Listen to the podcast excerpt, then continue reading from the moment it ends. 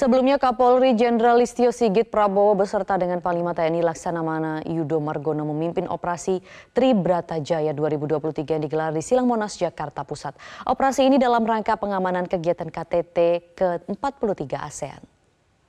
Kegiatan ini pemirsa melibatkan 6.182 personel Polri terdiri dari 1.624 personel dari Mabes Polri dan 3.918 personel dari Polda Metro Jaya. Selain itu pasukan juga dibantu oleh Polda Jawa Barat dan Polda Banten masing-masing mengirimkan sebanyak 320 personel.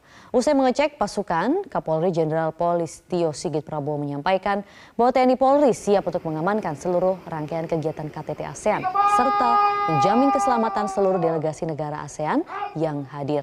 Operasi Tribrata Jaya 2023 sendiri akan berlangsung selama sepekan mulai tanggal 1 hingga 8 September 2023. Lanjutkan pemeriksaan pasukan.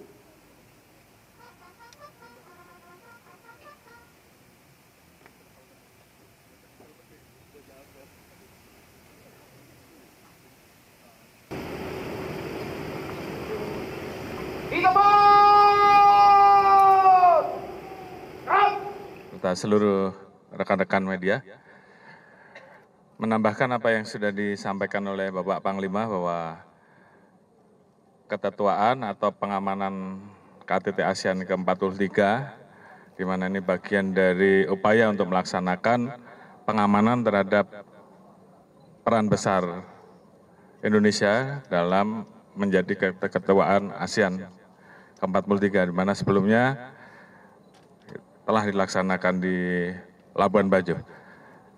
Kegiatan ini tentunya menjadi event yang sangat penting, yang harus sukses, harus aman, harus lancar, sehingga event KTT ASEAN ke-43 ini betul-betul bisa menjaga dan menempatkan Indonesia menjadi negara yang dipandang oleh dunia internasional. Jelajahi cara baru mendapatkan informasi. Download Metro TV Extend sekarang.